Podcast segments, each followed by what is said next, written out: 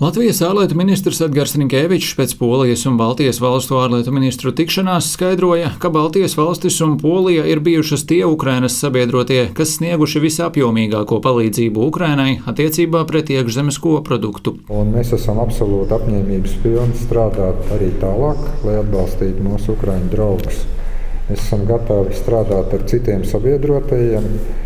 Mēs uzskatām, ka Ukraiņai šobrīd ir jādod viss kas ir nepieciešams, lai tās varētu ne tikai aizsargāt, bet arī atbrīvot teritorijas un beigu beigās arī uzvarēt. Tikmēr Polijas ārlietu ministrs Zbigņevs Rauklātesošajiem atgādināja to, ka Baltijas un Polijas valstu filozofija paredz atbalstīt Ukrainu cik vien iespējams un cik ātri vien iespējams, un tieši tas arī tiek darīts. Moreover, whenever we have a chance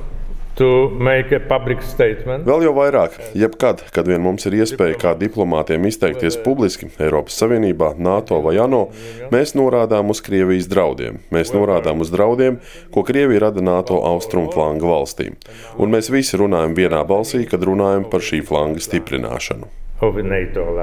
Vienā balsī ministri runā arī par sankcijām, kas piemērojamas Krievijai. Ministri stingri uzsvēra, ka nosakot nākamās sankcijas pret Krieviju un Baltkrieviju, ierobežojumi ir jāievieš tā, lai tos nevarētu apiet.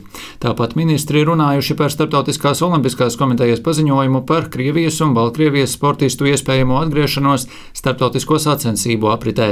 Ārlietu ministri bijuši vienisprātis, ka šo valstu sportisti nedrīkst atgriezties sacensību apritē, kamēr Krievija turpina karu Ukrainā. Ukrainā. Turpina Igaunijas ārlietu ministrs Urmas Reinsalū.